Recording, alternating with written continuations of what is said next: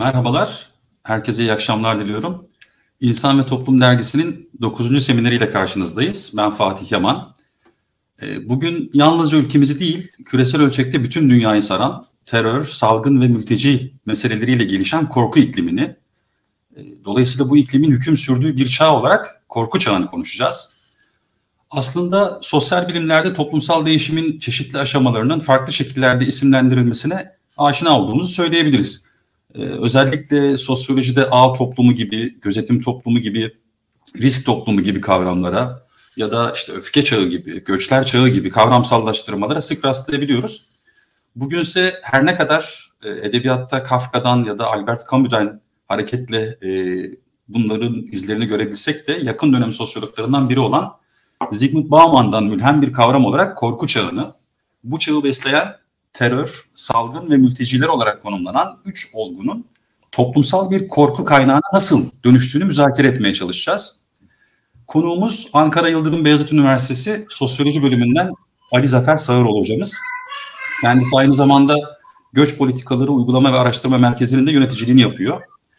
E, hocamızın İnsan ve Toplum Dergisi'nin 11. cildinde ve 4. sayısında yayınlanan Korku Çağı, Terör, Salgın ve Mülteciler başlıklı bence nefis bir makalesi yayınlanmıştı. Hem e, konunun güncelliğini tüm sıcaklığıyla koruması bakımından hem de terör, salgın ve mülteciler gibi aslında farklı eksenlerde yer aldığını düşündüğümüz olguların ilişkiselliğini ele alması bakımından oldukça da ilginç bir çalışma. E, hocamızdan tabii öncelikle makaleyi tanıtmasını isteyeceğiz. Biz de sorularımızla açmaya ve daha derinlikli bir şekilde anlamaya gayret edeceğiz. E, bizleri online olarak takip eden katılımcılarımız için de şu hatırlatmada bulunalım. Lütfen sorularınızı yazışma kısmından bize e, iletiniz. Biz de buradan hareketle e, program sonuna doğru hocamıza aktaralım. E, hocam dilerseniz makalenin öyküsünü başlıktaki kavramsallaştırmadan da hareketle iki soruyla açarak başlayalım. Neden korku çağı diyeyim öncelikle ve gerçekten korkmalı mıyız? Evet, teşekkür ederim. Hepinize iyi akşamlar diliyorum. Bu güzel girizgah için de size ayrıca teşekkür ediyorum. Nazik davetleri için İlenme'de ayrıca şükranlarımı sunuyorum. Korku çağı e, aslında tam da karantina döneminde evlerimizde kaldığımız günlere denk geldi bu makalenin konusu ve yazma hikayesi. O insanların sokaklarda gezdiği işte cıvıl cıvıl olan yerlerin sessizliği, ıssızlığı, e, suskunluğunu görünce doğrusu ben ürktüm. Yani bu tablo e, hani yaşadığımız çağda kendimize çok güveniyoruz. İşte e, kimimiz e, malımıza güveniyoruz, kimi makamına, kimi işte her şey, herkesin bir sırtında yadığı bir şey var dünyada güven telkin eden ama bir anda hepimiz böyle bir kibrit kutusunun içine hapsedilmişçesine adeta e, hapsolduk. Bunun yanında tabii daha önceden benim özellikle çalıştığım mülteci meselesi, göç meselesi de o dönemde bana e, yoğunlaştığım konulardı. E, bir de tabii e, terör meselesi e, hiç gündemimizden inmeyen bir şekilde. E, garip bir şekilde benim triadik denilebilecek Zimmel'den mülhem bir şeyim var. Doktora tezim de böyle üçlü kavramlar üzerineydi. Sanırım bu makale şimdi bir şey daha oldu. Böyle ilginç bir şey var e, uyanıyor bazı konularda. E, tam da işte bu pandemi döneminde ve Bauman'ın e, kapımızdaki düş şey yabancı e, kitabının da verdiği bir ilhamla doğrusu şeye e, gündemimize geldi. Tabii orada e, karşı karşıya kaldığımız tartışmalar hani haberlerde bu pandemi veya virüs işte Çin'de laboratuvarda üretilip dünyaya yayılmış bir şey midir? Bill Gates'in bir e, marifeti midir? Bunun arkasında birileri mi var? E, yok mu? Bu, bu bile komplo mu değil mi tartışmaları. Diğer taraftan e, bu hastalıkların e, birileri tarafından şey yapılması, taşındığı düşüncesi. Mesela o dönemde Çinliler hemen dünyada böyle bir etikete maruz kaldılar. E, o da bana, bana şeyi ilham etti. Yani aynı şeyi aslında mülteciler de maruz kalıyor ama biz onu o kadar kanıksamış vaziyetteyiz ki çok farkında değiliz. Yani e, herhangi bir mülteciyi direkt bu konuda böyle damgalasanız e, kimse de buna çok fazla itiraz etmiyor. Hele toplumun ortalaması bunu e, büyük bir heyecanla veya e, şeyle kabul edebiliyor. Bunlar sanırım makalenin yazılmasında e, etkili oldu. E, niye korkuya bağladım ben bunu? E, bu yaşadığımız çağ, bunca teknoloji, teknik ilerleme, bilimsel gelişme bize bir güven telkin ediyordu. Ama e, yaşadığımız şey tam tersi bir korku şeyi, e, distopya, distopik bir şeyin içerisine girdik adeta. Sanırım bunların arasında bunların çalışmasıyla üçünün arasındaki etkileşim de bu e, şeyin e, korkunun ürediğine dair bir şey de ayrıca şey oldu. Bunun ayrıntısını belki konuşuruz sorularla açılınca. Evet. E, hocam bu konuyu biraz daha açma bağlamında, işi biraz daha sizin makalede konu etmiş olduğunuz kavramlara e, getirme sadedinde şöyle bir girizgah yapalım o halde. Özellikle küresel tarihi akışta bazı e, kırılma noktalarını tespit edebiliriz zannederim. Yani yakın geçmişten başlarsak sizin de makalenizde konu etmiş olduğunuz çeşitli e, olaylar var. İşte örneğin 11 Eylül saldırılarını bu anlamda önemli bir veri olarak alıyorsunuz. İşte ardından özellikle yaşanan etkileri bağlamında 11 Eylül gerçekten de önemli bir tarihe işaret ediyor. Bir taraftan işte Amerika Birleşik Devletleri'nin Afganistan ve Irak'ı işgal ettiği, ardından yaşanan çok çeşitli yerlerde örneğin işte Madrid'de, Londra'da, İstanbul'da, Orta Doğu'nun çeşitli yerlerinde artan terör saldırılarını gördük. Tüm bunlar e, bir tarafıyla yayılan bir şiddet eğilimini ortaya koyuyor. Ama diğer taraftan az önce sizin de söylediğiniz gibi e, kültürel ve toplumsal hayatta özellikle farklı olanların ki bu daha çok göçmenler, mülteciler olabiliyor. Birer güvenlik tehdidi olarak, bir kültürel tehdit olarak algılanmasını da beraberinde getiriyor ki bu anlamda mesela Avrupa'da e, bir öteki olarak, bir farklılık, e, bir farklı kimlik olarak Müslümanlar bir İslamofobik öğeye e, dönüşebiliyor. Dolayısıyla bu gibi bir takım somut çıktılarda üretiyor bu gibi durumlar.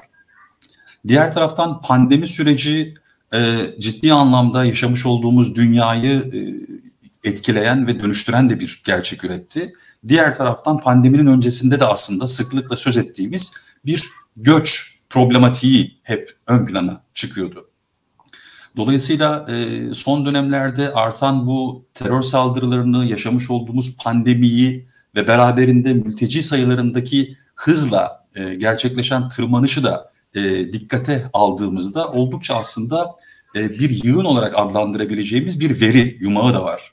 E, dolayısıyla isterseniz bu verilere biraz e, temas edelim. Bu verilerden hareketle ve aslında verilerin bize ne söylediğinden bahsedelim hocam. Dolayısıyla bu verilerin söz konusu üç olgu sizin triyadik olarak isimlendirmiş olduğunuz bu üç olgu için nasıl bir iç içelik gösterdiğini, nasıl bir ilişki kurduğunu isterseniz biraz konuşalım hocam. E, hemen somut örnekle girmek belki daha zihin açıcı olabilir. Şimdi e, ben önce diyadik şeyler yani ikili e, bağlantılar dikkatimi çekiyordu medyada. Mesela biyoterör diye bir kavram var mesela. Yani e, biyolojiyle efendim e, terör şeyini yani pandemi hasta pandemiyle veya salgın hastalıkla terörü bir araya getiren bir diskur var. Çok yaygın kullanılan.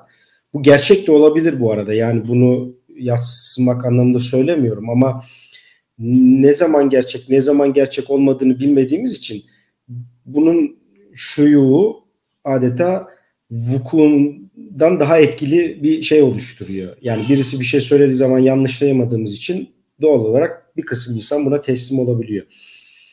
Şimdi e,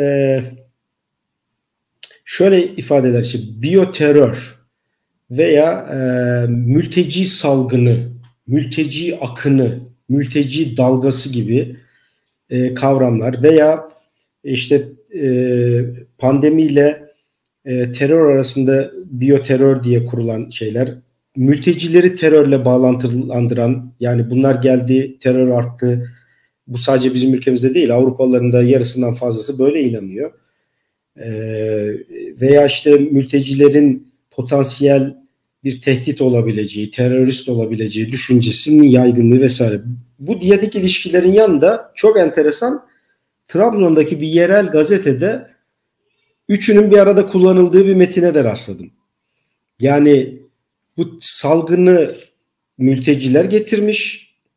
Üstelik bunu bir üst akıl bir terör eylemi olarak tasarlayarak getirmiş. Yani burada silah olarak mültecileri kullanmış. Dedim yani tam bir Karadeniz şeyi.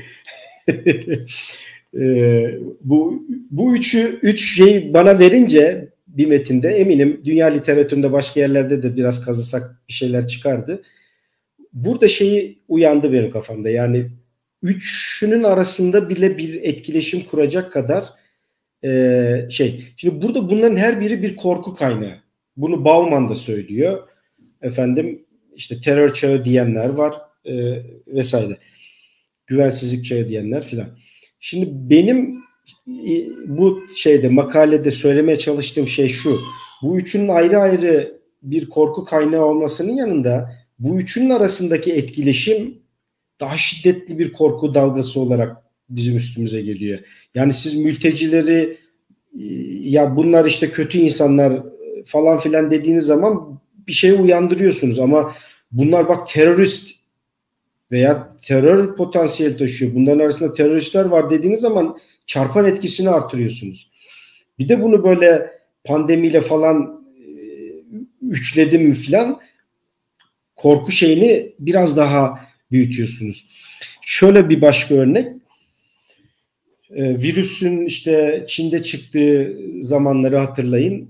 E, daha yani dünyanın dışında çok fazla bir yere yayılmamıştı. Yani Türkiye'de de şey yok ama biz böyle videoları falan görmeye başladık. Sokakta giden insanlar düşüyor, ölüyor. Hastanelerde böyle solunum cihazına bağlı. Hani bizde daha virüs virüs yok.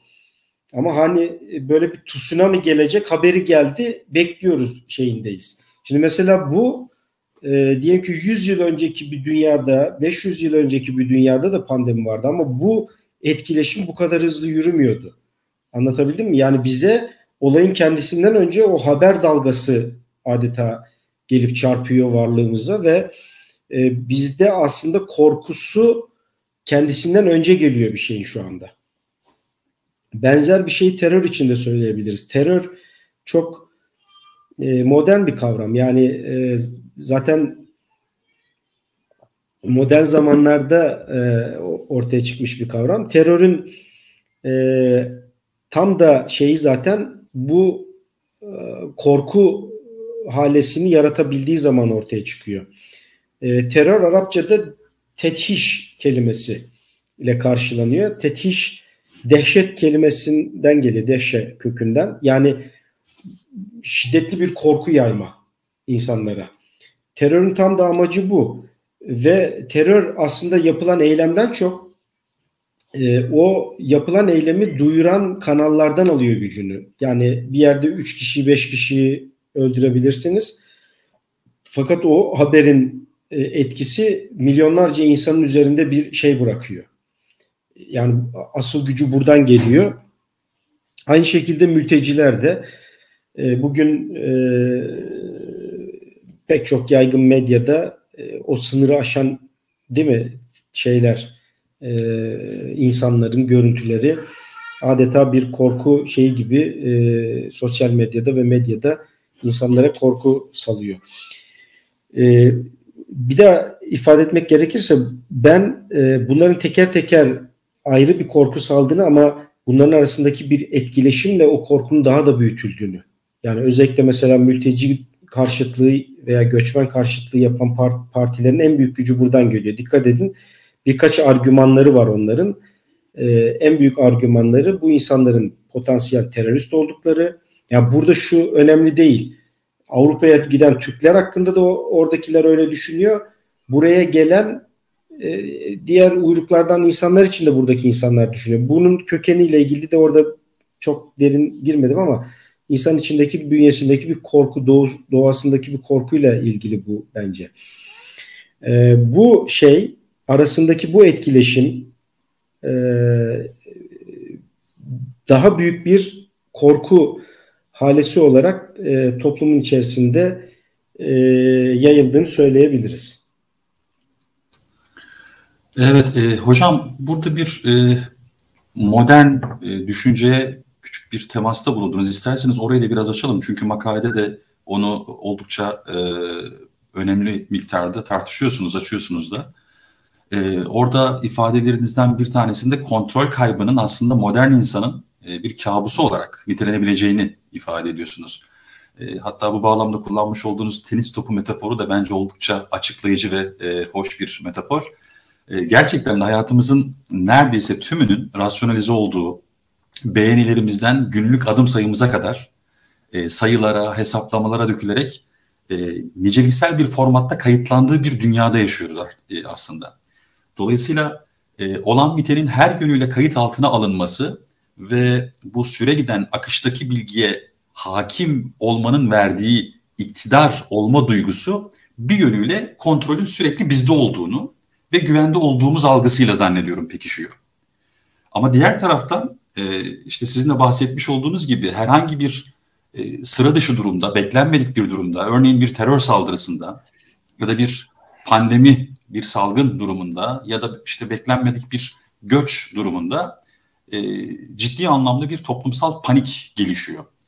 E, bu anlamda modernliğin rasyonelleşmeyle işleyen ve buna bağlı olarak gelişen işte öngörülebilir olma, hesaplanabilir olma, güvenlikli kılma gibi bir takım temel unsurlara dayandığını biliyoruz. Acaba tam da böylesine kontrol ve güvenlik merkezli kurguladığımız bir hayat anlayışının korkuyu tetiklediğinden bahsedebilir miyiz? Ne dersiniz hocam? Evet. Ee, tenis topunu hatırlattınız. Onu şey yapalım. Ee, şunu söylüyordum. Ee, gün yani tenis to tenis topu tenis oynarken iki ihtimal vardır. Yani topa ya vuramazsınız, sizin tarafınızda kalır, iyi vuramazsınız ya da vurursunuz karşı tarafa geçer. Ama vurduğunuz halde karşıya geçmediği, kendi tarafınıza düşmediği net mi diyorlar o ağın üstünde kaldığı bir durum var. Şimdi o durum e, modern insan için en can sıkıcı durum. Anlatabildim mi? Yani orada bir anlık da olsa o süre bazen insana e, çok uzun bir süre olarak geliyor modern insana. Ya biz bir yerde beklemekten nefret ediyoruz. Bankada kuyruklardan nefret ediyoruz. E, telefonumuz birkaç saniye değil saniyenin altında bile e, şey olsa donsa diyelim veya şey yapmasa bu, bu bizi rahatsız ediyor. Telefonumuzdan şey oluyoruz, soğuyoruz veya bizar oluyoruz. Televizyonumuzun arasındaki kanalların daha hızlı geçmesi için saniyenin bilmem kaçta kaçı kadar ona 5-10 bin lira daha fazla para ödüyoruz mesela değil mi? O şeyler anlatıyorlar ya. Dolayısıyla hız çağında yaşıyoruz. Ama asıl e, insanı modern insanı rahatsız eden şey aslında belirsizlik. Biz kendi hayatımızı hem bireysel hayatımızı hem de toplumsal hayatımızı e, mümkün olduğunca belirsizliklerden kurtarmaya çalışan bir hayatın içerisindeyiz. Bunun için sigorta yaptırıyoruz. Bunun için kasko yaptırıyoruz. Bunun için işte bir sürü tedbirler alıyoruz. Sağlık sigortaları yaptırıyoruz. Bir gün hasta olursak çocuğumuza işte e, şeyler e, ne bileyim e, güvenceler vesaire arayışındayız. Şimdi bütün bunlara rağmen ama geldiğimiz yer gene eski eski çağlarda yaşayan insanlardan daha güvenli bir dünya değil. Yani e, salgın hastalıklar tamam eskiden de vardı.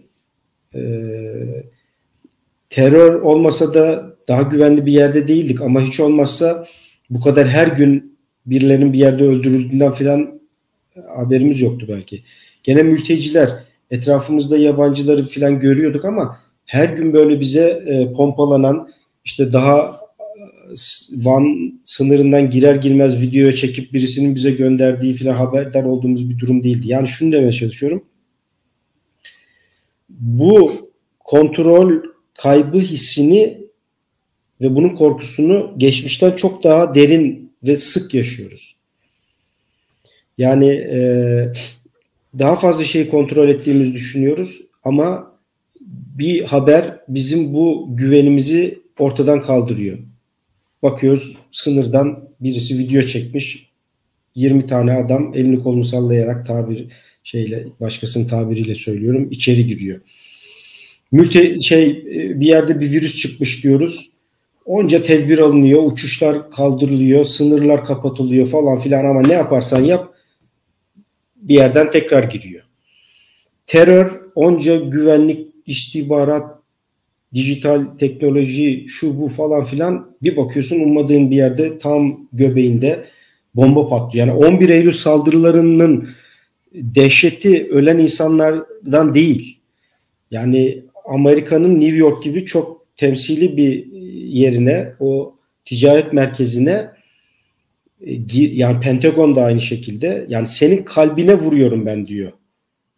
E, anlatabildim mi? Onun verdiği mesaj zaten adeta çıldırttı şeyi yani. E, dünyanın süper gücünü çıldırttı ve o dehşet dalgasını bütün şeye yaydı. Yani Afganistan'a girdi, Irak'a girdi. Fakat o girdikçe de dikkat edin hedeflediği terör örgütleri de büyüdü.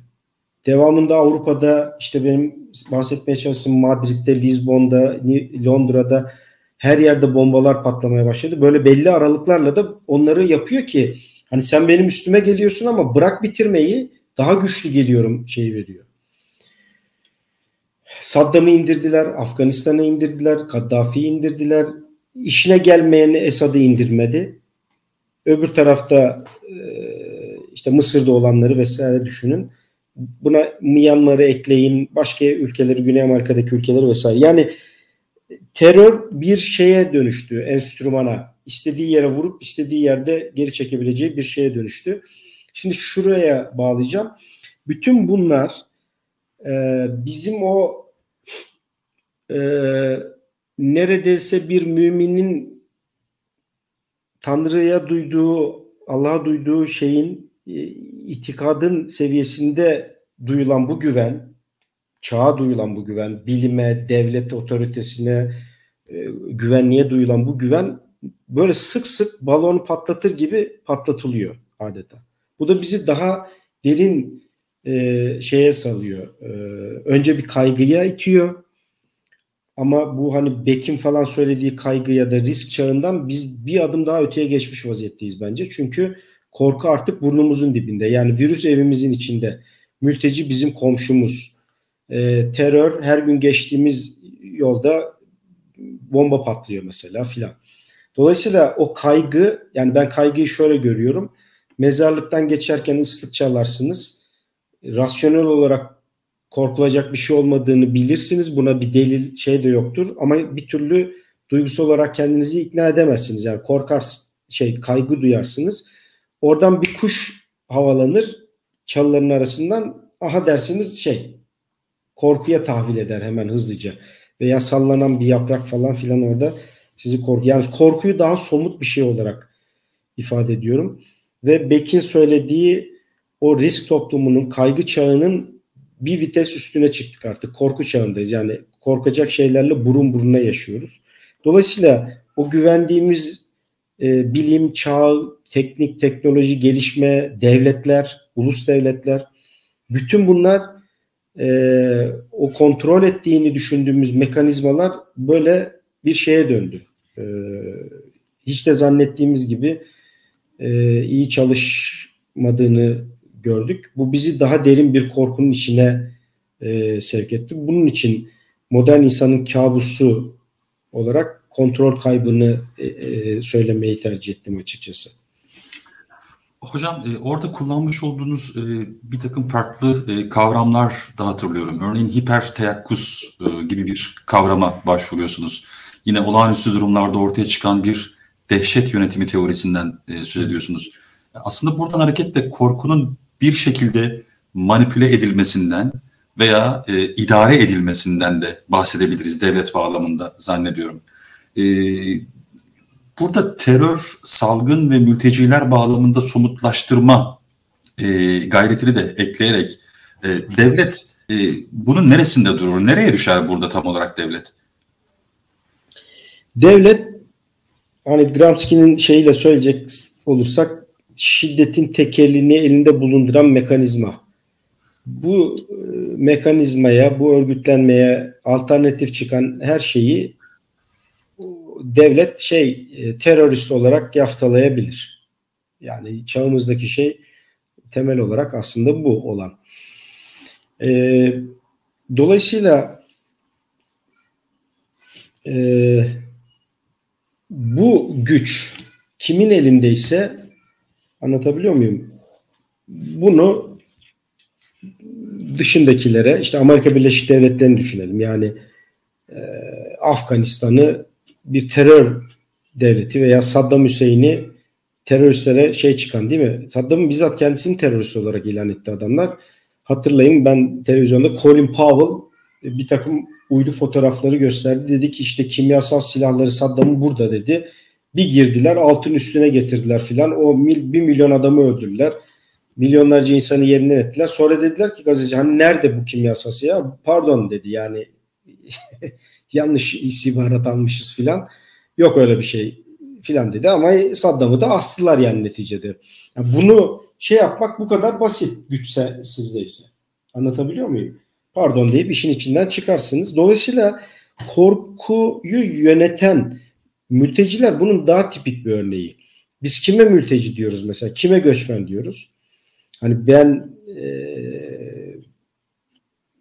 bunu isimlendirmiyorum ki benim için yabancı. Hani sokaktaki bir adam tanımadığım e, benim apartmanımda da yaşasa, yan apartmanda da yaşasa ilk defa gördüğüm birisi yabancı benim için. Ama kime göçmen bu yabancıların içinde bir kısmına göçmen bir kısmına mülteci filan diyoruz yani değil mi? Bu tamamen siyasal bir kavramsallaştırma. Yani e, adamın biri 100 kilometre ötede doğduğu için ona gelince göçmen diyoruz. İşte benim 500 kilometre ötemdeki hiç tanımadığım bir adam benim için aynı vatandaş hüviyeti şey yapıyor. Bunu kategorize eden devlet. Anlatabildim mi? Yani sosyolojik olarak ben birey değil.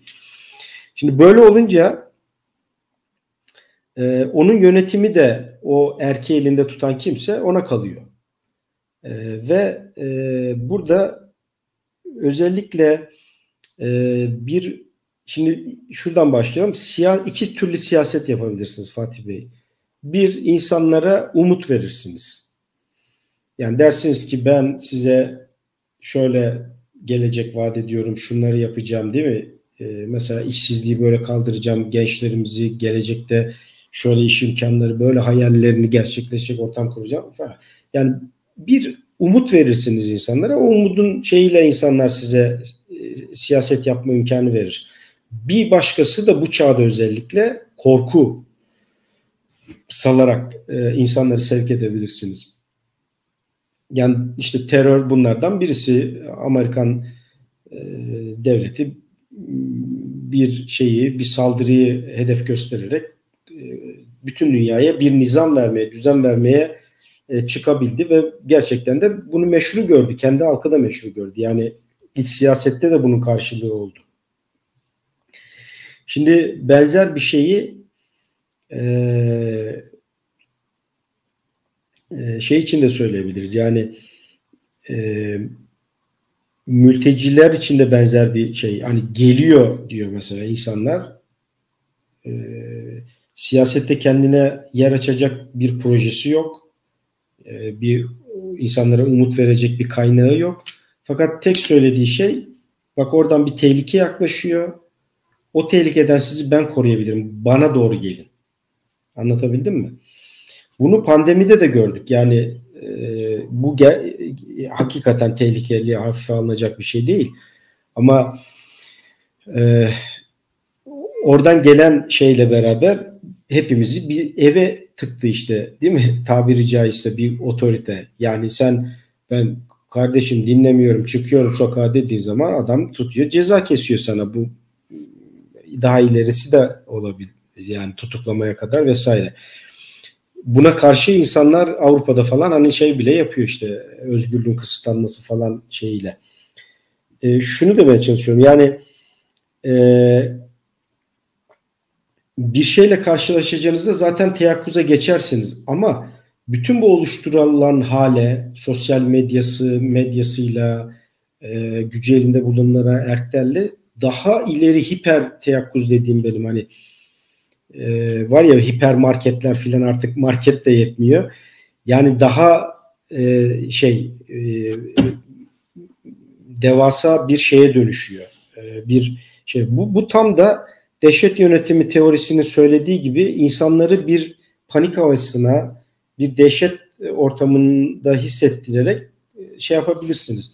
Yani birisini mesela bir yere hadi gel gidelim diye davet etseniz gelmeyebilir. Ama bak oradan bir köpek geliyor havlayarak falan dersen adam koşarak e, başka bir yere doğru şey yapar. Dolayısıyla e, modern çağda özellikle insanları bir yere sevk ve idare etmek için korku eşsiz bir maniveleye dönüşüyor. Bu sadece iktidarlar için değil. Belki daha fazla iktidara aç diyelim veya siyaseti muhalefet cephesinde yapanlar için geçerli.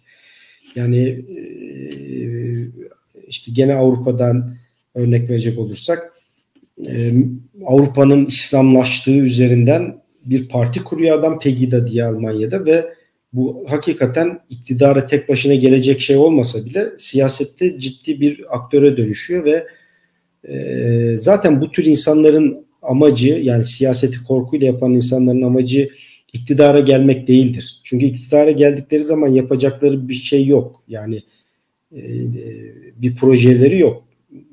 Verseniz elinize eline yetkisini e, ne yapacağını bilemez. Amaçları da iktidara gelmek değildir zaten. O siyasetin kenarında muhalefetinde şey yaparak buradan e, kimi zaman toplumsal, kimi zaman sosyal bir itibar kazanmak, hatta bunu bir ekonomiye de tahvil etmek e, amacı olduğunu söyleyebiliriz. Hocam siz Pegida demişken e, benim de aklıma salgının özellikle ilk dönemlerinde, başlangıç döneminde hatırlarsınız virüsün doğrudan göçmenlerle özdeşleştirilmesine yönelik bir takım söylemleri duymaya başladığımız geldi. Mesela işte Amerika Başkanı Trump onun bir Çin virüsü olduğunu e, deklare etmişti defaatle. E, yine işte e, Batı'dan Macaristan Başbakanı Orban da genel olarak göçmenleri e, bir günah keçisi olarak sürekli e, öne çıkartan ifadeler serdetmişti.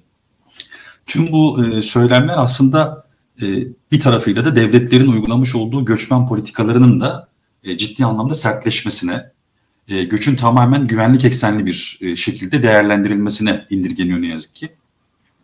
Diğer taraftan sizin de bahsettiğiniz gibi ülkelerin iç siyasetini belirlemeye yönelik de aktif bir şekilde kullanılan bir durum bu korku durumu. Özellikle işte politik bir takım davranışlarda belirleyici olma, bunlara etkide bulunma, çeşitli e, vesilelerle bunu bir oy devşirme e, manivelasına e, dönüştürebilme ataklarını sadece Türkiye'de değil çok farklı ülkelerde de görebiliyoruz. Yani özetle herhalde şeyi söyleyebiliriz değil mi hocam? Yani toplumun bir yönüyle önünde olan siyasetçilerin ve belki burada dikkat çekici bir şekilde medya aktörlerine de işaret etmekte fayda var. Onların ortaya koymuş olduğu söylemlerle genişleyen, güçlü bir şekilde genişleyen bir korku dilinden, bir korku dili üretiminden bahsediyoruz. E, hocam sanırım korkunun e, bizzat kendisine ait bir dil kurma e, gücü var.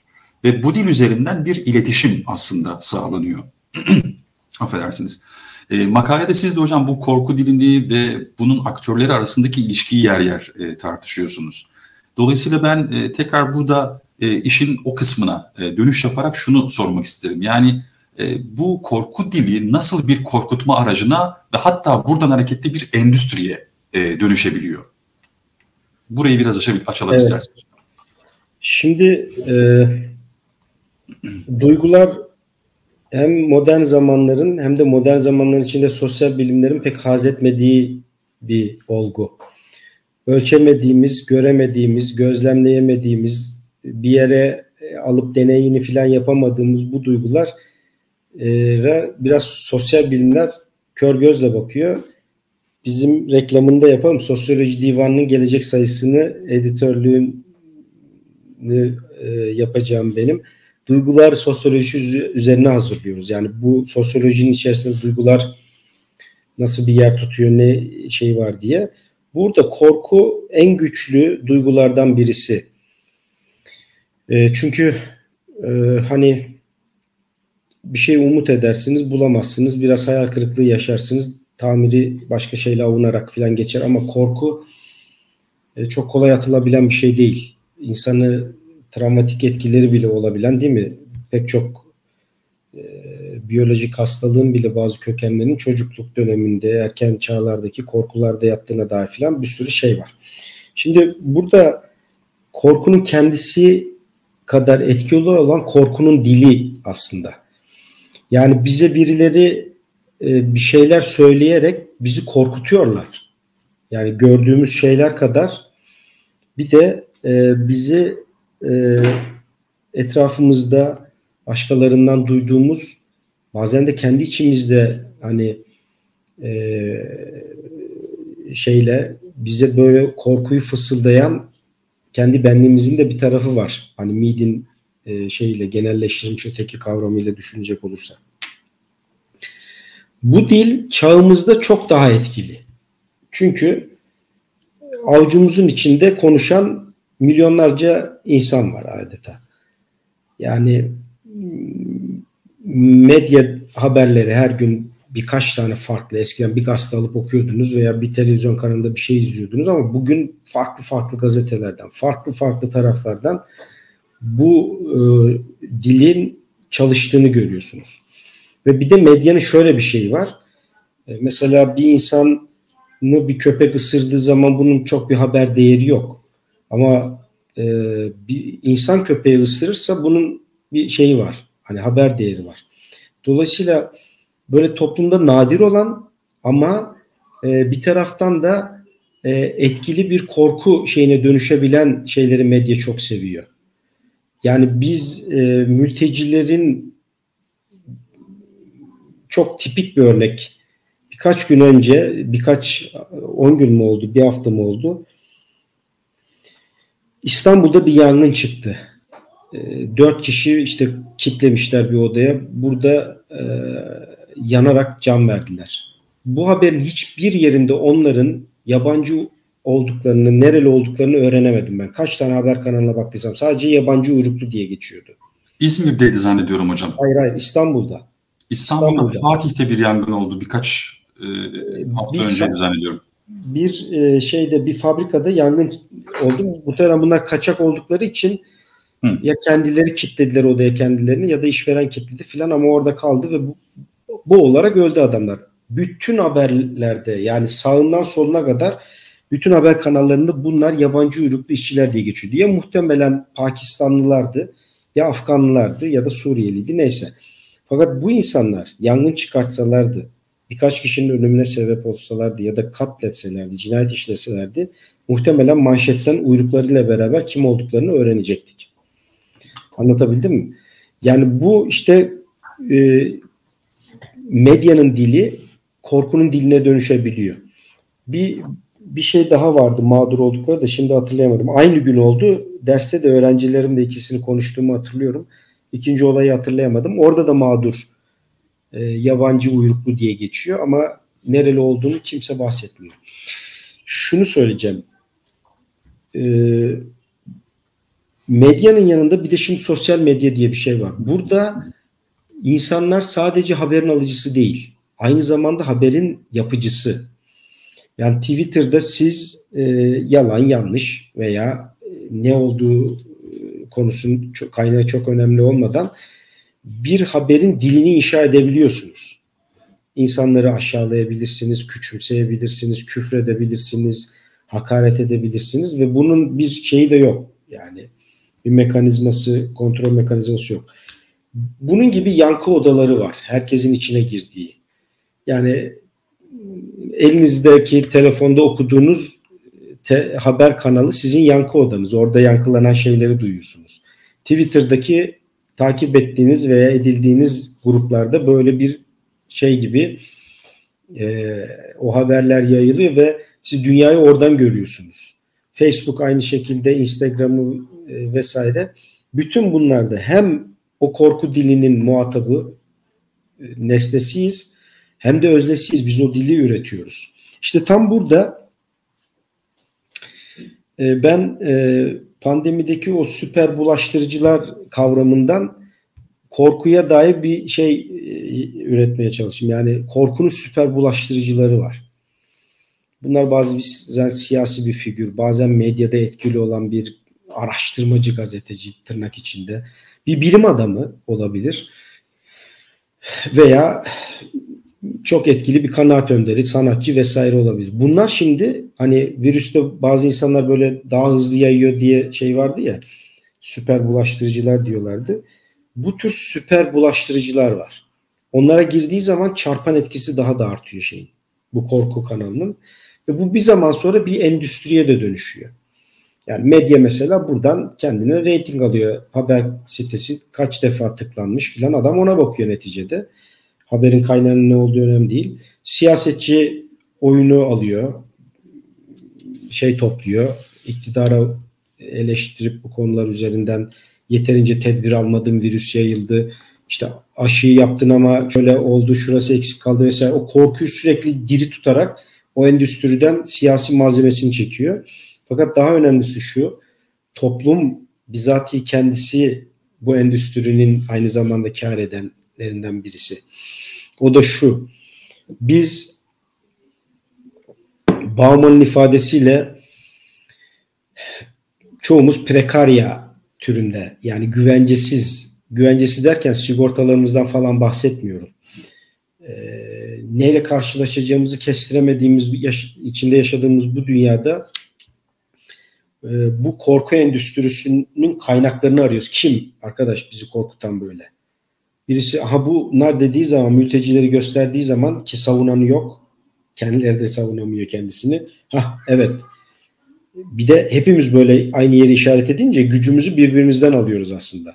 Mesela çoğu zaman ben haberlerin kaynağını sorarım. Ee, işte hocam bu Suriyeliler şöyleymiş filan. Nereden duydunuz? Herkes aynı şeyi söylüyor diyor. Şimdi herkese referans verdiğin zaman çürütecek bir şey yok ortada. Yani bunun şeyi e, olmaz e, yalanlaması olmaz. Veya terörle ilgili mesela e, bir adamın üstüne bu teröristtir diye bir etiketi yapıştırdın mı e, çıkar çıkartabilirsen yani e, şeyi yok. E, dolayısıyla e, veya şey işte pandemi döneminde de hani böyle e, şeylere rastladık ya adamı linç edecekler neredeyse virüsü bilinçli şey yaptı falan diye vesaire. Şimdi şunu demeye çalışıyorum e, bu endüstrinin kar edeni e, siyasetçi medya değil. Hatta onlar aracıları. Asıl kar e, tabiri caizse bu endüstrinin şeyi müşterisi toplumun bizatihi kendisi. İnsanlar.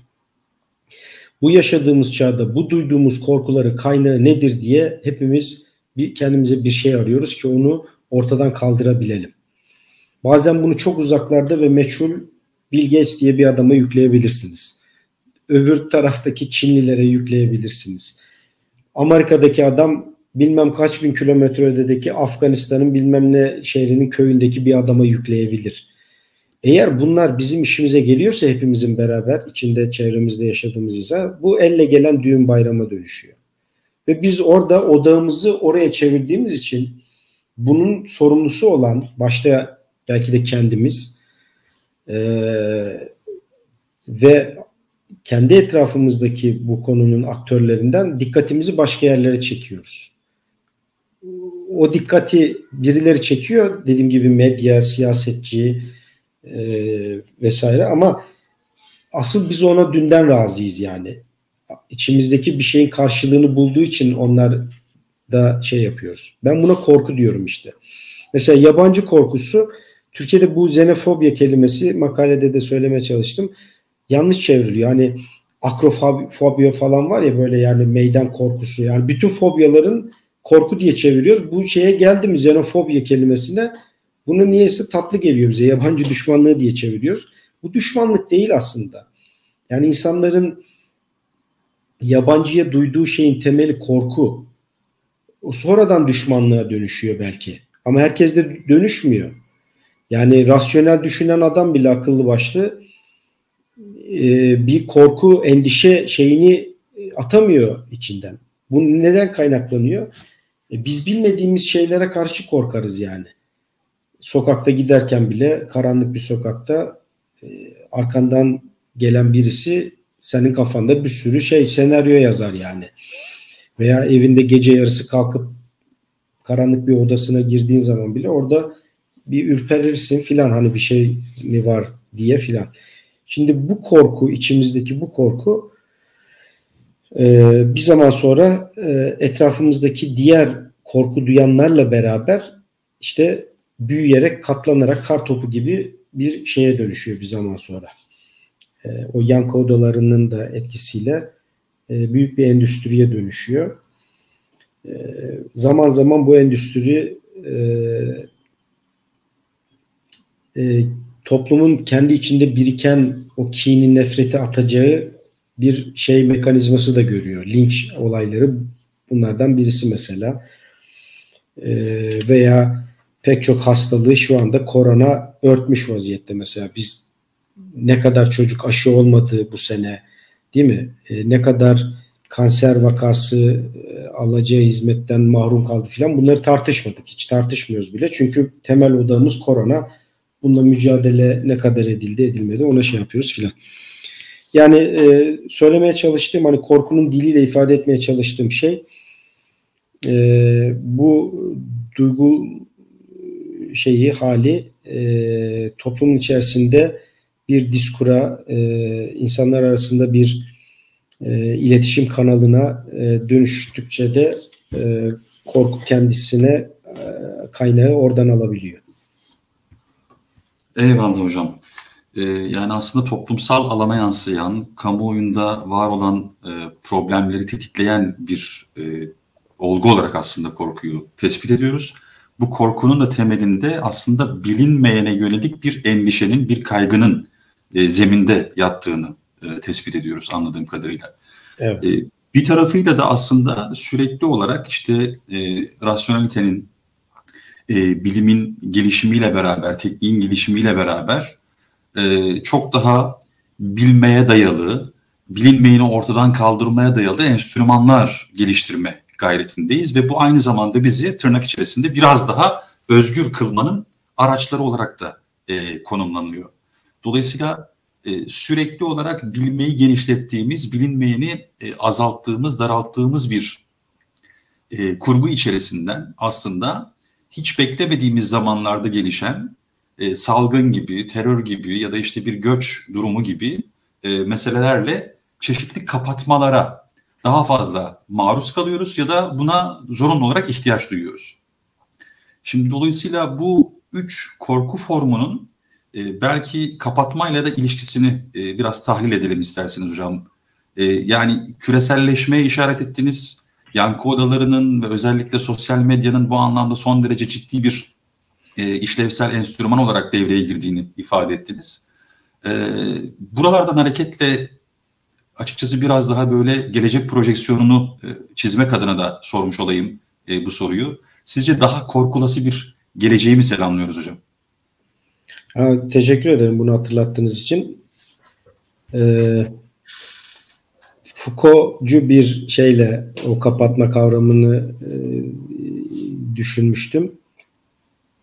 Biliyorsunuz moderniteyi Foucault tam da e, bu kapatma meselesiyle şey yapıyordu. Yani suçluları biz hapishaneye kapatmaya başladığımız zamanlardan itibaren model olmaya başladık ya da modernite bize bunu getirdi. Ya da daha mahallemiz, daha önce mahallemizde deli olarak selamladığımız hepimizin e, sorumluluğunu duyduğumuz bir şekilde idare ettiğimiz hatta e, şey yaptığımız yani içimizden biri olarak gördüğümüz ruh hastalıklarını bir yere kapattık. Yine hastane diye bir şey icat ettik mesela. Evimizde işte bir şekilde baş etmeye çalıştığımız hastalıkları gene böyle bir kapatma şeyiyle e, hastanelere e, e, tahvil ettik. Bunun yanında modern zamanlar aynı zamanda siyasal sınırların da çizildiği, ulus devletlerin ortaya çıktığı dönemler. Bu anlamda sınırlarla biz toplumu kapattık birbirine.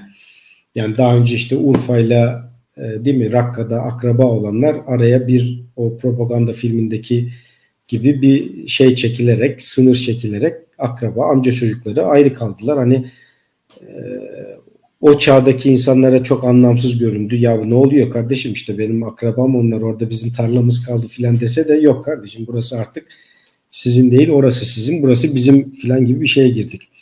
Tam da mülteciler de böyle zaten ortaya çıkmıyor mu? Yani oradan gelen adama göçmen diyoruz. Biz oraya gidince de onlar bize göçmen diyor. Böyle zorla filan yerinden edilip kaçmak zorunda kaldıysa da ona mülteci diyoruz filan. Hani biraz daha acıma hisleriyle karışık. Terörün de şeyi bu.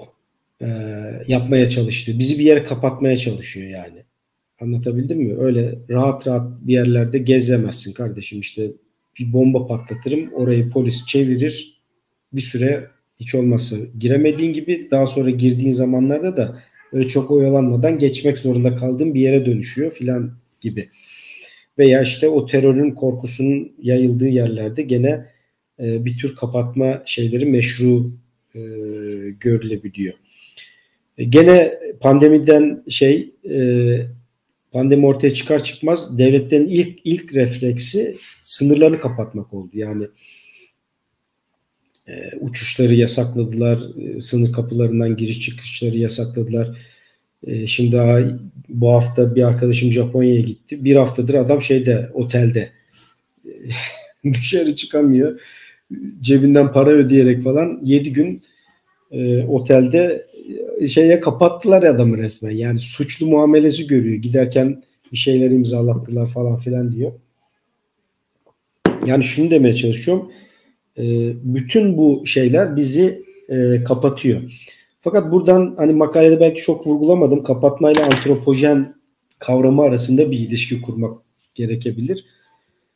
İnsanlık tarihinin son 300 yılı antropojen çağı olarak ifade ediliyor. Yani insanın doğaya hükmettiği, doğayı kapattığı anlatabildim mi? E, işte o vahşi sulara gem vurup baraj kurduğu, aşılamaz dediği yerlerin üzerinden uçaklarla, gemilerle çok uzaklara gidebildiği, en ücra köşeleri bile keşfedip bulabildiği filan bir şeye geldik. E, bir çağa geldik. Ama bu bir taraftan bizi kendi kendimize kapatıyor. Yani öyle bir kapanma hissi ki bu içimizde zengin ve imkanı olanlar bu dünyadan alternatif başka dünyalar aramaya geçtiler. Yani adam Mars'a gidip yerleşmenin yolunu arıyor zenginler şu anda. Hani fakirleri buraya kapatacak ne haliniz varsa gör hesabı. Çünkü bu iklim değişikliği vesaire yaban atılış şeyler değil. Gerçekten bu hızla giderse yani iklim değişikliğinin sadece ortaya koyduğu senaryolara bakılırsa 2100 yılında falan dünya e, bizim herkes için en azından çok kolay yaşanabilir bir yer olmaktan çıkacak. Şimdi bu böyle olunca e, o antropojen çağı kendine şimdi başka bir şey e, oluşturdu. E, o kapatmaları vesaireyi e, daha da genişleten, daha da yaygınlaştıran, her boyutuyla ortaya çıkaran e, başka bir e, hale büründü diye düşünüyorum. E, dediğim gibi özgürlük dediniz ben onu bağımsızlık veya serbestlik gibi daha çok anlıyorum. İnsan bu bütün teknik teknolojik gelişmelerle öğrendiği her bir şeyle doğa karşısında başta olmak üzere daha serbest, daha bağımsız hale geleceğini e, düşündü, hayal etti. Hala da buna dediğim gibi bir mümin kadar inancını koruyor.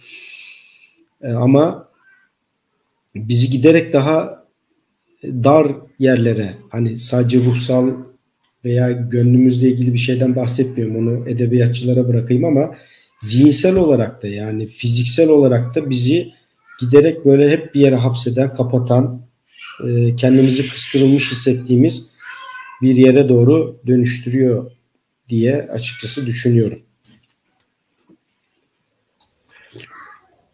Evet, e, hocam çok teşekkür ederim. E, aslında çok tatlı bir sohbet içerisindeyken ben zamanı çok açıkçası fark etmemiştim. Bir saati neredeyse tamamlamak üzereyiz. Dilerseniz bu aşamada eğer izleyicilerimizden varsa soru onlara yer verelim. Benim şu an görebildiğim kadarıyla henüz bir soru iletilmemiş rejiye. Dolayısıyla oldukça net bir şekilde anlaşıldığını e, buradan hareketle söyleyebiliriz hocam ifadelerinizin, anlattıklarınızın. E, elbette bu konularla alakalı çok çeşitli farklı zamanlarda e, bu konuları ele alan, farklı ilişkiler üzerinden ele alan başkaca çalışmalar da var. Ancak bu çalışma e, sözün etmiş olduğumuz kavramları ve olguları kendi e, aralarında bir ilişki içerisinden ele alan e, ve bu anlamda çeşitli analizlere ve çözümlemelere yer vermesi dolayısıyla aralarındaki ilişkiselliği açığa çıkartması bağlamında son derece önemli bir e, çalışma. Bunu tekrar e, ortaya koymuş olalım. E, hocamla yapmış olduğumuz bu sohbette kuşkusuz e, açığa çıkaramadığımız veya e, daha sonrasında soru olarak oluşturulacak olan, soru olarak zihinlerde doğacak olan hususlar varsa o noktada da makaleye e, ilgili arkadaşlarımızı yönlendirmiş olalım. Ee, hocam çok çok teşekkür ediyoruz. Ee, oldukça verimli ve keyifli bir müzakere oldu bence. Umuyorum ki e, izleyicilerimiz için de çok faydalı olmuştur. Ee, sizin varsa söylemek istediğiniz bir husus onu alalım hocam yoksa kapatabiliriz. Yani, genç e, arkadaşlar için e, belki şöyle bir şey e, tavsiye edebiliriz. Hani sosyal bilimler bence e, doğa bilimleri bu kadar ilerlediği halde e, sosyal bilimler ve siyaset bilimi bunun hızına yaklaşamıyor. Yani biz doğa bilimlerinde e, ki yaşadığımız çağa nispetle sosyal bilimlerde bence orta çağları filan yaşıyoruz. E, hele ülkemizde bu çok daha e, şey bir durumdayız. Yani hala böyle çok pozitivist, e, çok ölçülebilir şeyler üzerinden gel. Hani duygularla ilgili anlatmaya çalıştığım o aslında. Yani bu korku üzerine bir makale yazma fikri pek çok insan için e, çok son derece şey bir kavram anlatabiliyor muyum? Su götürür hesabı. Bunları delillendirebilmek ve böyle biraz da uzunca bir makale oldu. Çok üzerinde çalıştım çünkü çünkü her argümanını bir şekilde hani e, SPSS'te falan şey yapamadığın için bu bilim kilisesine kabul ettirmek için müminleri ikna edecek temel şeyler, e, sağlam argümanlar geliştirmeye falan çalışıyorsun. Şunu lafı getireceğim. E, o kadar iptidai bir haldeyiz ki sosyal bilimlerde iki şey arasındaki nedenselliği böyle ölçülebilebilir sayısal şeylerle ölçmeye çalışarak ancak bilim yapmaya çalışıyoruz. Oysa ki e, bu determinizmin e, nasıl farklı olgularla kendi arasında etkileşim yaptı. Yani ben üçlü kurdum bunu ama bunun dörtlüsü, beşlisi üzerine daha söylenebilecek pek çok şey var. Yani ben burada söylediğim şeylerin dışında pek çok korku kaynağı e, şey yapabilirsiniz yani bulabilirsiniz. Bunlar sadece benim birer örnek olarak şey yaptım. Şuna sözü getireceğim. Ee, yani bu tür e, biraz daha sosyal bilimleri açıcı, biraz daha zihnimizi, çağımızı anlamak için şey yapacak e, şeylere ihtiyacımız var. Doğrusu İnsan ve Toplum Dergisi böyle bir şeye imkan vermesi ve bununla beraber e, indeksleriyle filan hatır sayılır bir seviyeye gelmesi oldukça değerli bir şey. Yani e, bizim çünkü gerçekten e, bu yaklaşımla sosyal bilimlere zihnimizi açacak şeylere ihtiyacımız var, yayınlara ihtiyacımız var. O açıdan e, derginin çok önemli bir yer tuttuğunu Türkiye'de düşünüyorum. Bu vesileyle e, şahsınızda olmak üzere başta hem İnsan Toplum Dergisi'ne hem İlem Vakfı'na ve e, emeği geçen bütün arkadaşlara hasreten teşekkür ediyorum. Benim için de zevkli bir akşam oldu sizinle konuşurken ben de makalemde biraz daha derinleştim. Biraz daha zihnim açıldı. Ben de size teşekkür ediyorum. Sağ olun. Eksik olmayın hocam. Çok teşekkür ediyoruz. Ee, evet yani e, son söz olarak şunu söyleyelim. Yani belli ki e, sizin de makalede çeşitli formlarda değindiğiniz, işaret ettiğiniz gibi modern insan e, hep bir hazırlıksız yakalanma e, durumunda kalacak gibi görünüyor hocam. Evet. E, evet, bu akşam e, Ali Zaferoğlu, Ali, Ali Zafer Sağıroğlu e, hocamızı konuk ettik. Korku çağı, terör, salgın ve mülteciler başlıklı çalışmasını değerlendirdik.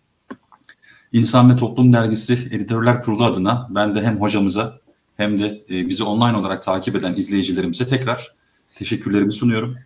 E, hepinize iyi akşamlar diliyoruz. Hoşçakalın. İyi akşamlar.